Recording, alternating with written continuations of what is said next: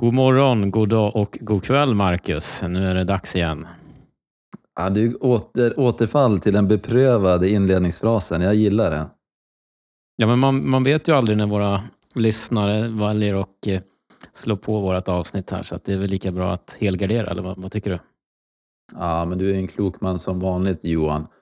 Ja, men jag kan ju då tillägga att här har ju mörkret eh, fallit så att det är definitivt kväll hos mig för stunden. Och jag antar att du har ett eh, mörker som skymmer även hos dig. Det skulle man kunna tro, men här är det faktiskt strålande solsken dagen till ära. Oj då. Ja, hoppsan. ja, ja, men du, utan att eh, delge din eh, geografiska placering så hoppas jag att du har haft en fin dag. Ja, men absolut. Jag har faktiskt haft en, en, en, givande dag och bland annat fått prova på att eh, fira ner mig från hög höjd med, med en av våra specialförmågor här inom regionen. Så det har varit bra. Ja, Spännande, strålande. Du, jag eh, tittade på våra lyssnarsiffror här efter förra avsnittet. Eh, fyra gånger fler lyssnare än normalt. Vi anade ju att det skulle vara ett populärt avsnitt, men det här var ju mer än jag hade vågat hoppas på. Otroligt kul!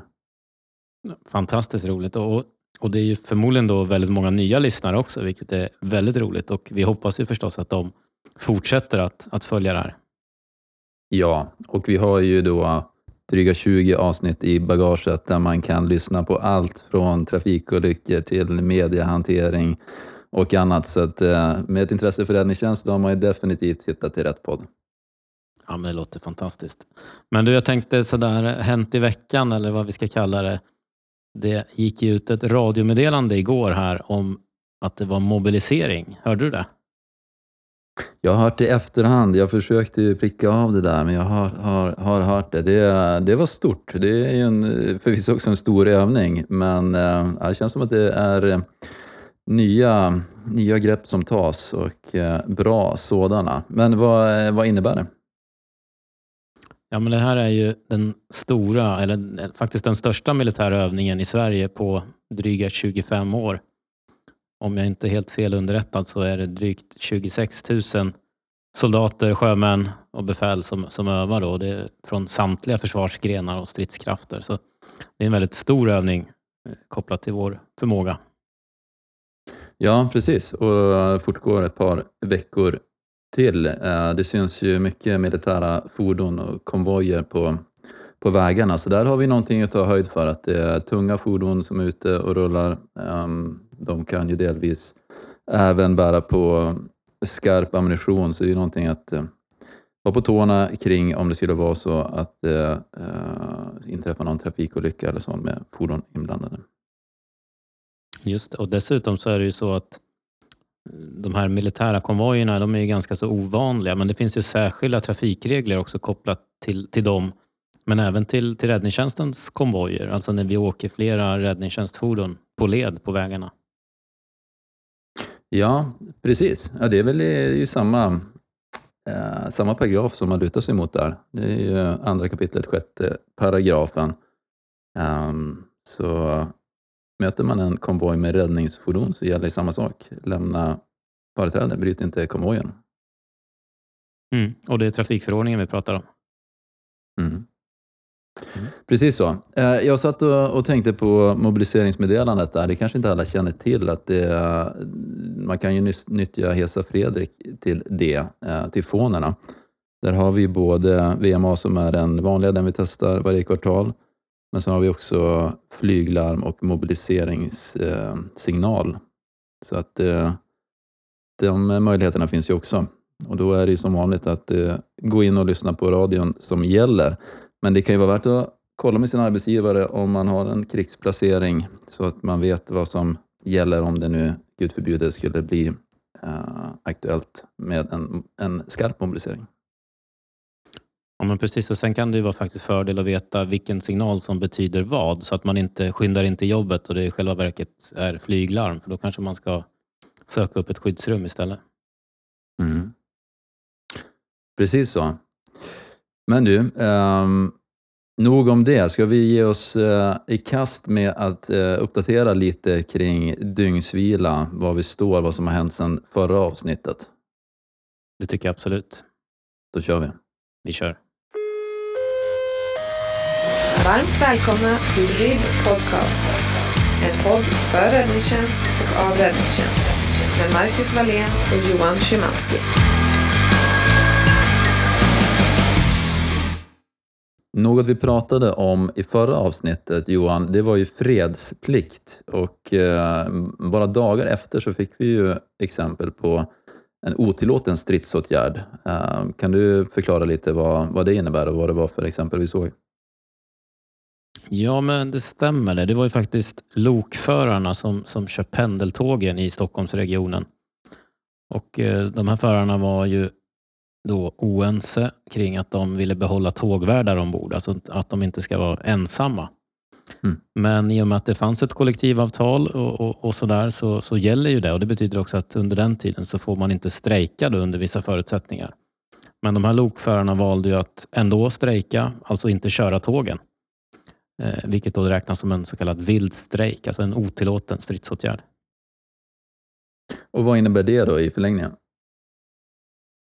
Ja, det kan man säga att det innebär ju att, att det parterna har kommit överens om, alltså arbetstagarna via sina fack och arbetsgivaren, det är någonting som man då måste hålla. Arbetsgivaren måste betala ut lön, förmåner och så vidare. Och arbetstagaren måste utföra visst arbete och, och, och det som ankommer på dem.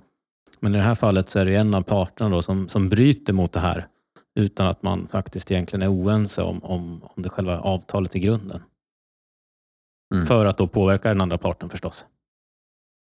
Ja, precis. Och det här är ju då vad vi kallar den svenska modellen som är uppbyggd under väldigt lång tid, som du är inne på. Uh, och det här är ju relativt unikt för Sverige. Men det är många länder som tittar på den svenska modellen och, och uh, Mm. är intresserade av den just för att vi det finns inget politiskt inflytande utan det är eh, parterna, precis som du säger, det är fackförbund, arbetsgivarorganisationer som, som kommer överens. Um, och då gör man det, precis också som du är inne på, ute efter ett, ett visst eh, antal regler, en spelplan.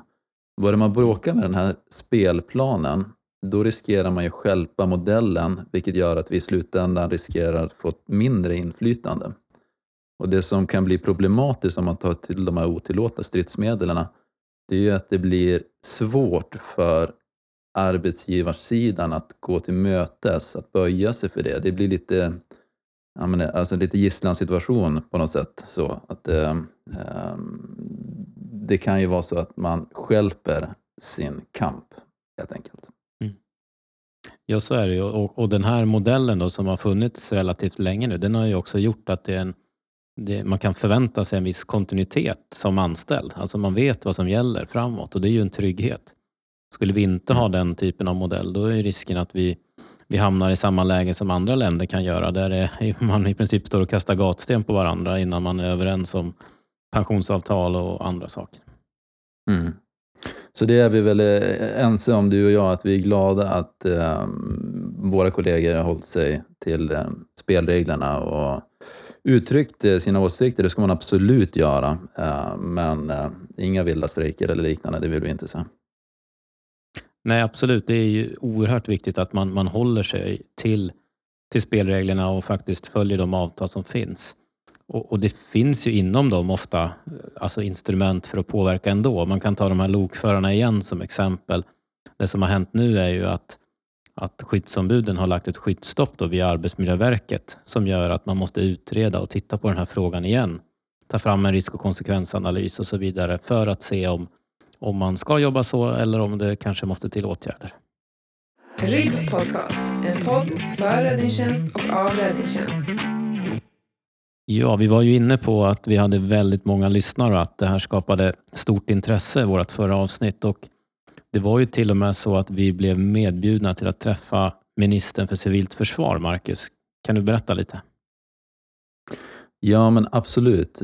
Det var ju tack vare andra engagerade kollegor som mötet blev till. Vi blev medbjudna utefter de åsikter som vi lyfte fram, eller de perspektiv kanske jag ska säga som vi lyfte fram i podden. Eh, så vi träffade ministern för civilt försvar, eh, Carl-Oskar Bolin, med entourage och eh, eh, vi var representerade av brandmän, befäl.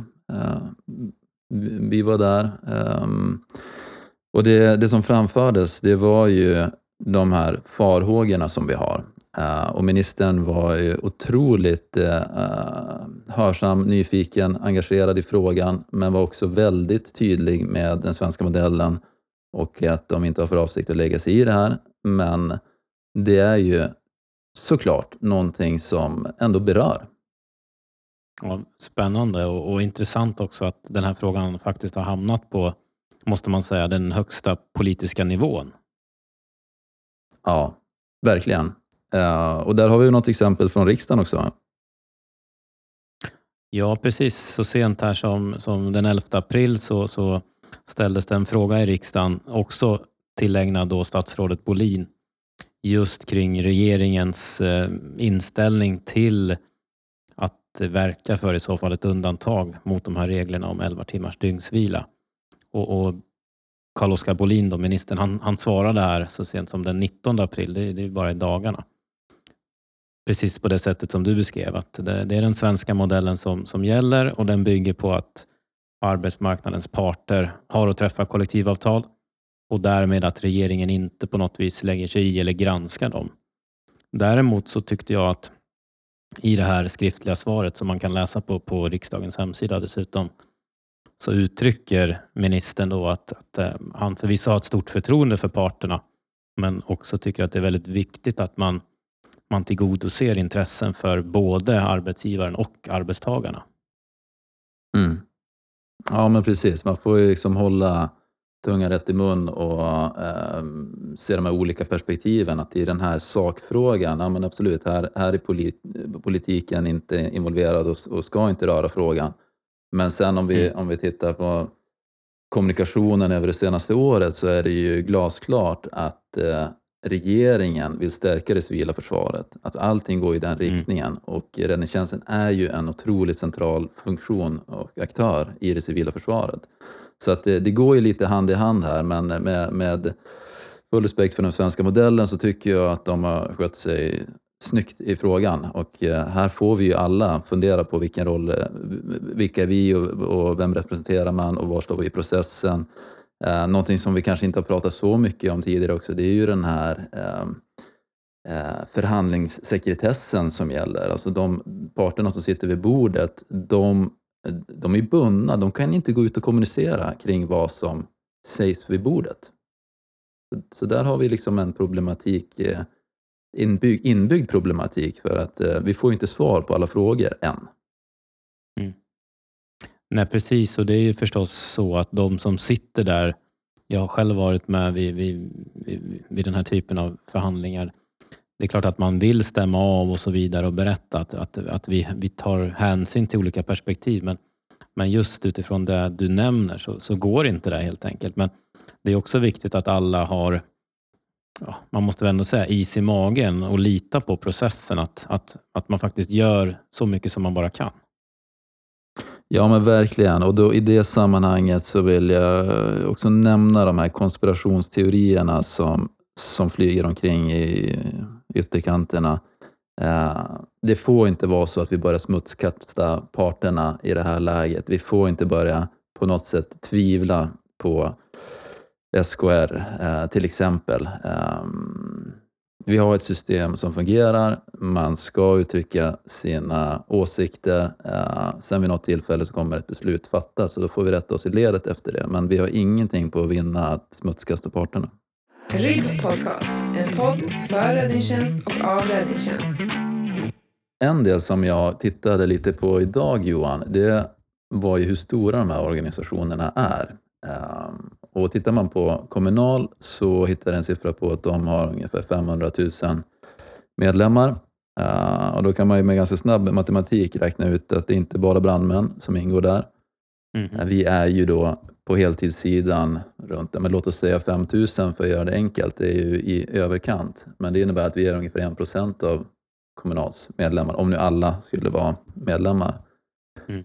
Um, och vad vill jag ha sagt med det då? Jo, men det, det, det, vi är en liten del i det här stora hela och så fort man försöker hitta en lösning för en stor mängd individer så kommer det inte passa alla. Eh, och i det här fallet så vet vi att Kommunal så sent som i fjol eh, var väldigt nöjda med, med, att de har drivit frågan kring dygnsvila. Eh, att, att, att dygnen är borta för att det är många av deras medlemmar som ja, får en bättre tillvaro med de här nya reglerna.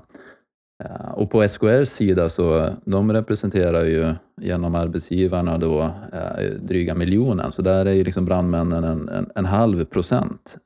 Um, så att det, man får ha det lite i åtanke också i, det här, i den här bilden. Uh, men givetvis så, så, gör det ju inte våra åsikter mindre viktiga, men, men vi är en liten del av, av kakan så att säga.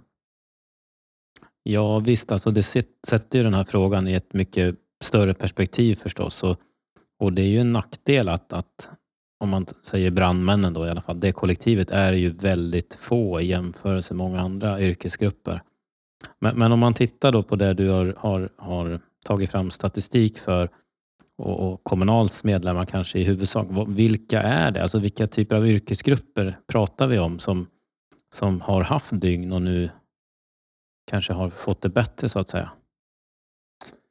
Ja, alltså eh, jag kan ju inte riktigt schemana på vilka som liksom påverkas mest, men det, det man tittar på är det är ju allt från eh, eh, kyrkogårdsvaktmästare till hantverkare, förare, stenarbetare, lokalvårdare. Eh, det är barnskötare, det är vård, alltså det är ju det är väldigt många olika, men jag tänker mig att det är de här intensiva arbetena där man är igång hela tiden. Eh, där man kanske sitter bakom ratten då på, på har man ratt på tåg? Det kanske man inte har. Det, har man mer spakar. Um, någon, någon form av men, spakar säkert. Ja, än så länge. Um, nej men så det skiljer sig ju väldigt mycket är ju poängen. Och det blir det här som är, jag skulle säga helt omöjligt att, att eh, med en lösning tillgodose alla, um, mm. um, allas behov. Uh, men Eh, innan vi går vidare där, ska vi nämna eh, bilaga R också som dyker upp nu och då. Vad innebär det? Ja, men det är ju faktiskt den här möjligheten att då göra ett, ett särskilt avtal som, som berör räddningstjänsten.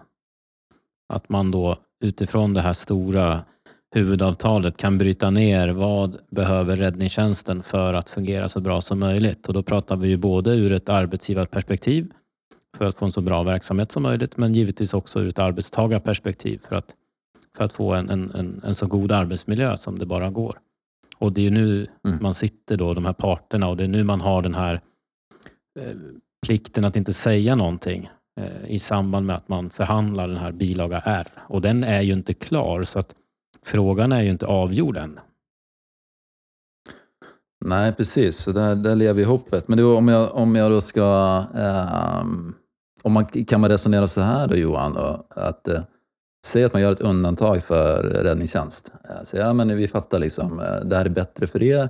Uh, ni, får, ni får fortsätta som ni gör nu. Liksom. Ni, ni, får ett undantag, ni kan jobba 24 timmar. Det är inga konstigheter.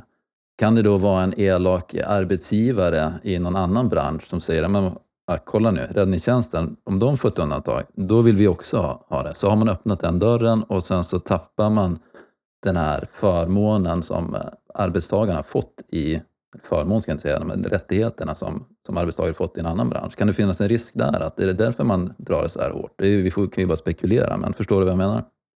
Ja, men jag förstår. Och, och det är ju så att vi har ju inte tillgång till den risk och konsekvensanalys som, som vi ändå får anta att parterna har gjort.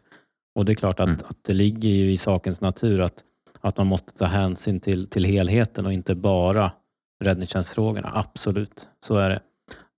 Samtidigt så kan jag nog tro att, att SKR kanske i det här fallet inte trodde att den här frågan skulle bli så pass omfattande som den har blivit. För att vi har ju ändå ett, ett kollektiv nu här som har på ett fantastiskt sätt måste man ändå säga samlat landets brandmän och, och faktiskt fört fram då ända upp till regeringsnivå har vi hört nu vilken åsikt mm. man har och, och, på vilket sätt det här påverkar brandmännen negativt. Då.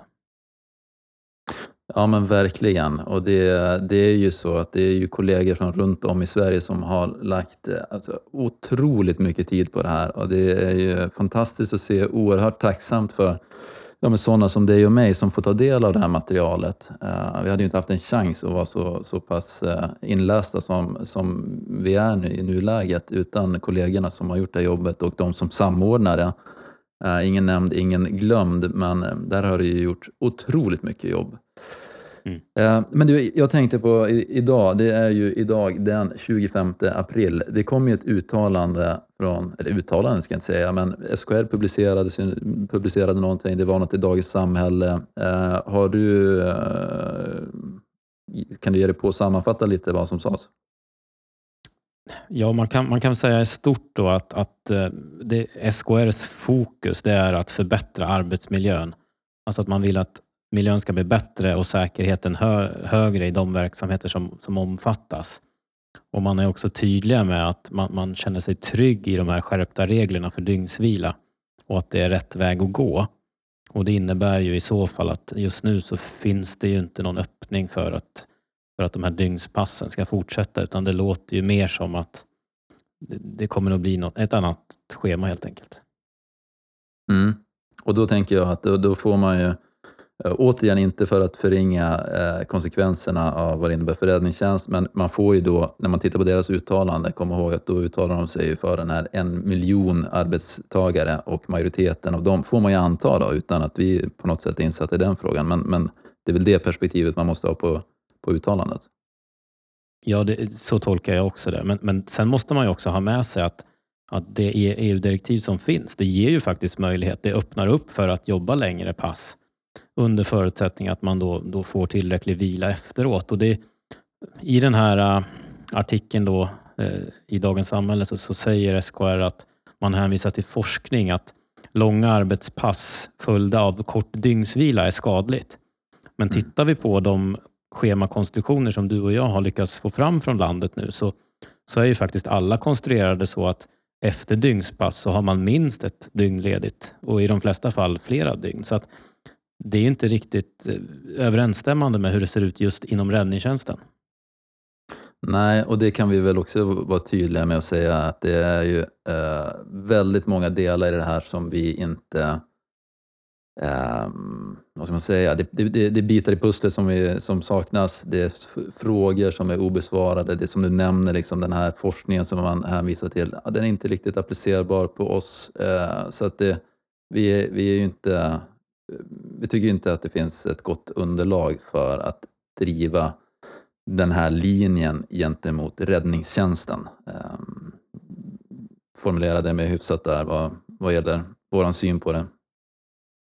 Ja, men det tycker jag. Och, och det, det, är väl det som gör själva komplexiteten i frågan också. Utan att det, det är inte lätt helt enkelt. Nej, det är inte lätt. Uh, och vi har ju inte återigen, vi har inte alla kort på bordet. Vi har inte sett någon risk och konsekvensanalys, men eh, rimligen så har ju den gjorts och är ganska utförlig. Så den eh, får väl hoppas den presenteras eh, så småningom, så vi får ta del av den också. Ja. Med det sagt tycker jag att vi går vidare och tittar lite på de här förändringarna och konsekvenserna. Eller vad säger du? Ja, absolut. RIB Podcast, en podd för räddningstjänst och av räddningstjänst. I förra avsnittet gick vi igenom eh, problembilden och eh, konsekvenser. Så att eh, de lyssnare som inte lyssnat på det kan vi rekommendera att man börjar med det avsnittet så får man liksom en större utläggning. Men för att rama in lite kort liksom kärnan i problemet för oss. Det handlar inte om att vi att vi kommer vara för lite hemma. Det är en aspekt av det hela. Men vad är det vi ser som den stora problematiken Johan? Ja, men man kan säga att i och med att kravet är 11 timmars dygnsvila så får vi inte bara konsekvenser på att man inte kan jobba dygn utan snarare är det så att efter ett pass så, så måste man ju vara ledig då 11 timmar. Och Det innebär att övningsverksamhet, utbildningsverksamhet och så vidare, den kommer ju att påverkas för att det blir svårare helt enkelt att, att få tillräckligt mycket personal vid samma tillfälle. Och Det är också så att de RIB-organisationer, alltså där vi har deltidsanställda brandmän, som är tillika då anställda i samma förbund alternativt i samma kommun, de får ju ett problem då om de jobbar före eller efter sina ordinarie pass på, på heltidskåren. Då, så att säga. För då, då bryts ju dygnsvilan och då uppfyller man inte det här. Så det blir betydligt svårare att bemanna helt enkelt med stora kostnader som följd. Mm, precis, och där eh, det påminner mig att när det gäller eh, deltiden och eventuell eh, eller aktivering från beredskap så ska vi nämna det som uppföljning från förra podden att det blir någon form av kompensationsvila som man pratar mm. om. Så har man varit aktiverad en halvtimme, timme så är det inte 11 timmars vila det handlar om sen, utan då är det någon form av kompensation som ska vara i paritet med den här aktiveringen, alltså den tiden man har jobbat som jag har förstått det. Ja, men precis. Men, men hur som helst så kommer det bli problematiskt att schemalägga så som man gör idag åtminstone. Det, det, det kan man slå fast. Ja, men verkligen. verkligen. Så det, där har vi då eh, övningar, vi har möten som kommer vara svåra att genomföra, mindre funktioner så som våra då, som vi pratade om i förra avsnittet, eh, när man är en handfull individer. Vi kommer ju nu under hösten här så, så schemalägger vi dubbla möten eh, bara för att se till att alla ska kunna vara med, för det, det går inte. Eh, och här är min ståndpunkt eh, som följer att det är så här det ser ut idag. Jag tycker att vi är under, underdimensionerade. Jag tycker inte att vi, vi har de förutsättningarna som vi borde ha för att bedriva vår verksamhet optimalt. Men det är så det ser ut i dagsläget. Vi är tunna i våra funktioner. Vi har inte några marginaler. Så därför slår ju sådana här förändringar väldigt kraftigt. Eh, vi kommer förmodligen behöva anställa en till i varje funktion. Tittar man på det så, ja, men, ta ett vanligt skift då. Alltså, titta på brandmännen på, på heltid. Alltså, eh, vi får en sjukskrivning på morgonen. Vi har en mycket mindre pool att tillgå för att få in någon och täcka där. Eh, vi kommer förmodligen behöva utöka, eh, utöka personalstyrkan. Vi kommer behöva en, om vi, om vi inte pratar om ett helt skift till, så kommer vi behöva en brandman till, en insatsledare till, en styrkeledare till. Um, och det går ju hela kedjan. Liksom. Så det, det blir ehm, det blir stora konsekvenser just för att kunna bedriva verksamheten och då har vi bara tittat på kärnverksamheten och, och det, det vi måste göra. Sen gör vi mycket, mycket mer där det också blir konsekvenser. Ja, och många har ju någon form av kombination där man jobbar skift och sen, sen har man andra typer av brandförebyggande uppgifter. Man kanske håller i utbildningar eller bidrar med att göra tillsyner och så vidare. Och även den mm. typ av, av verksamhet blir ju betydligt svårare i och med att man kanske måste hålla sig till en eller två olika saker. Liksom. Man kan inte vara inne på olika scheman och tassa. Nej, precis. Och det är ju... Jag blev lite förvånad själv här i, i veckan. Jag fick en förfrågan om att utbilda till, till hösten på en av MSBs kurser. Uh, och konstaterade att uh, jag, jag får tacka nej till den i nuläget. Mm. För vi vet dels inte hur våra scheman ser ut. Eh, jag vet inte vad det får för konsekvens om jag är borta en vecka. Hur, hur påverkar det kollegorna och verksamhetens förmåga att bemanna funktionen? Ehm, det, här är, det skapar så mycket osäkerhet redan nu. Så, så tittar man just på, på konsekvenserna för MSB så, så, så gissar jag att de kommer svårare att få tag i eh, i utbildare från räddningstjänsten som kan vara med och stärka upp deras eh, utbildningsförmåga. Eh, jag antar att vi kommer få svårare att skicka folk på kurser, eh, mm. vilket är oerhört negativt. Ehm, just för att de behövs. Liksom. Vi, inte, vi, vi, kommer inte i det korta perspektivet eventuellt eh, ha möjlighet att vidareutbilda vår personal. Nej, och, och, och, för att hantera den här frågan så måste vi ju då nyrekrytera. Det är ju sannolikt det enda sättet. Mm. Ja, det är ju det vi, vi utgår från i nuläget och då, då blir det ytterst problematiskt med den korta tidslinjen. Alltså vi pratar ju då, eh, ja, det vi tittar på nu det är ju att det är första oktober. Det, ja, och det är ju det i princip, ja, det, är inte, det är inte ett halvår bort ens.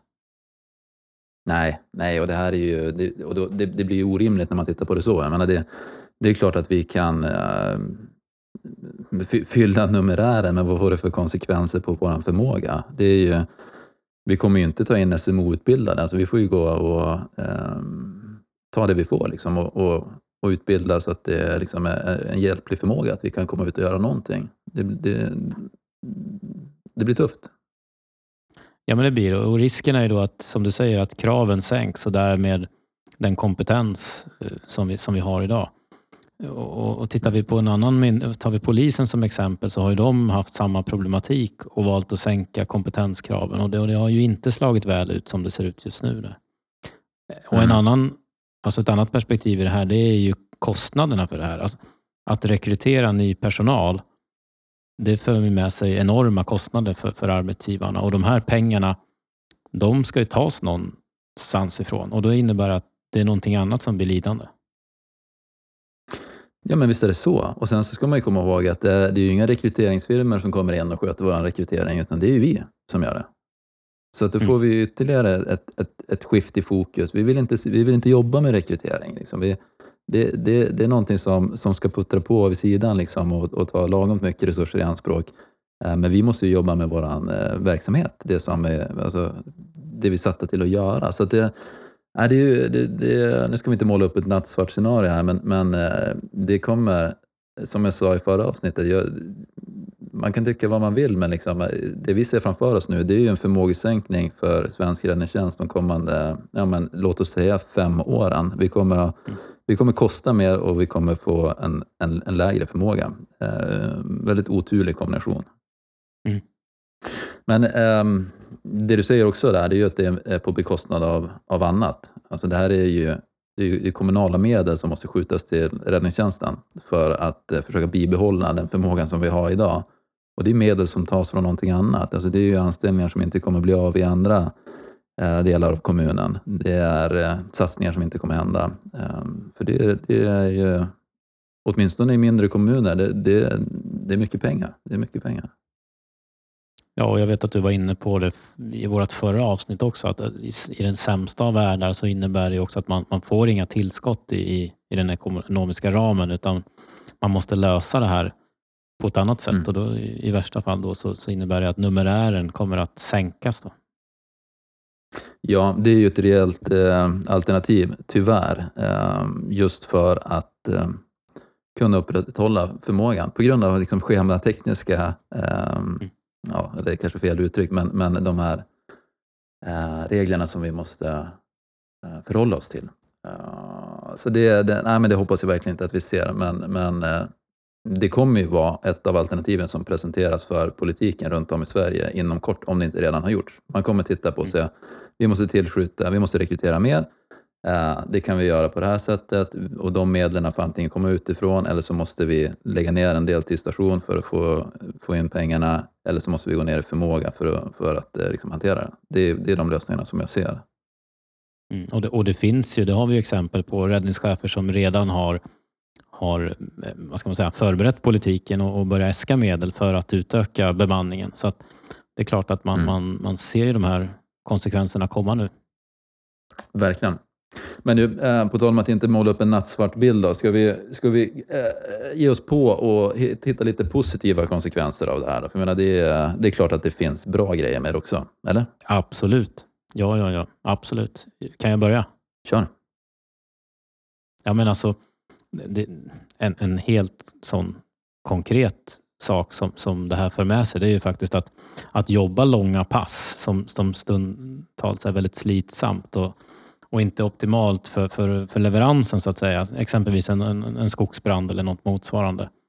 Där är det ju en fördel att vi får in en ny fräsch personal efter kanske, inte vet jag, 10-11 timmar någonstans. Så att vi blir avbytta och det är klart en, en enorm fördel och en, en positiv effekt av det här att inte behöva jobba ett helt dygn. Mm. Ja men verkligen, och det, jag menar, det, det kan ju alla eh, det kan alla skriva under på, att det är klart att vi har haft pass där vi inte har varit utvilade. Eh, där vi har haft, och men i värsta fall har ju de räddningstjänsterna som jobbar natt, natt-dag, alltså natt följt av dag. Eh, och börjar du då med att vara ute hela natten, och sen ska du jobba dagen därefter, eh, det förstår vem som helst att det inte blir bra. Um, så att det händer ju, men poängen här är att det händer väldigt sällan. Uh, men dock, så att, eh, ja, men jag, jag ställer upp på den. Um, sen så tycker jag också att uh, jobbar man strikt dygn, då, då jobbar man sju, sju dygn per månad. Man är alltså inne på jobbet sju gånger. Uh, att jämföra med någon som är inne fem dagar i veckan, och låt oss säga att det är fyra veckor på en månad då handlar det om 20 tillfällen. Så att eh, det är klart att saker och ting går ju långsammare för oss. Jag vet inte hur många gånger man har suttit och väntat på att få vänta tre, fyra dagar på att någon person kommer in på jobbet igen. Ehm, så att eh, vi bör ju rimligen få upp effektiviteten i verksamheten om personalen kommer in mer frekvent. Ja, Den köpte du? verkligen. Ja, men den, den, kan, den är svår att förbereda. Det, det är helt klart ett, ett, ett positivt faktum av det här. Sen, sen tänker jag också att vi pratar ju ekonomi ur ett negativt perspektiv. Men, men om vi nu får medel an, alltså till räddningstjänsten så att vi kan anställa flera så, så innebär det ju också att vi får en högre sammantagen förmåga. Alltså vi blir fler och vi har möjlighet att, att göra saker bättre och, och, och med, med, med duktigare brandmän förhoppningsvis. Så att, att få en utökad budget är ju inte dåligt på något vis för räddningstjänsten utan det är snarare så att vi, vi ska göra någonting positivt av det i så fall. Ja, men precis. Och, och blir det nu så här, det har vi ju sagt förut, liksom att det, och det här gäller ju alla frågor, i alla fall om du frågar mig. Liksom. Jag förväntar mig att alla gör sina röster hörda, från den lilla frågan till den stora, fram till dess att beslut fattas. Då rättar vi oss i ledet och sen så jobbar vi därefter och gör det bästa av saken. Så att eh, skulle det nu det här falla ut som det ser ut, ja, ja, men det kommer bli tufft, det kommer bli uppsägningar, det kommer bli nyrekryteringar, det kommer bli en annan, eh, ett annat upplägg på, på verksamheten rent eh, schemamässigt och eh, på sikt så kommer det ju såklart bli jättebra. Men eh, vi kommer ha kompetenta individer som väljer att lämna yrket. Eh, så, så är det. Så är det och, det är klart att det, det är alltid så att man ska, som du säger, göra sin röst hörd och, och att parterna måste lyssna på, på de idéer och synpunkter som kommer. Men när väl beslutet är fattat, då, då är det bara att acceptera och, och följa det. Absolut. Bra Johan. Uh, jag kollar på klockan här. Det, eh, uh, vi har pratat på i dryga 35 minuter. Uh, vi kanske ska ge oss, eller har du något uh, kvar på listan att uh, delge eller diskutera? Nej, det har jag inte. Utan jag blev nästan lite stressad här när du sa att det snart var första oktober. Så att det kanske är dags att vi avslutar innan tiden är slagen.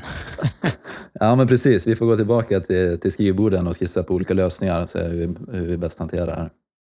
Det får bli avslutningen då. Verkligen. Ja, men jag tycker det. Och kanske att vi i nästa avsnitt har facit på vad, vad det blev. Ja, spännande tider på alla sätt och vis. Uh, vi följer utvecklingen uh, och uppmuntrar till inspel från lyssnarna. Ni vet var vi finns. Uh, hör av er. Det låter bra. Detsamma. Hej på det. Du har lyssnat på RIB Podcast, en podd för räddningstjänst och av räddningstjänst med Marcus Wallén och Johan Szymanski. Producerad av Timmy Selin, grafik Adam Dahlstedt.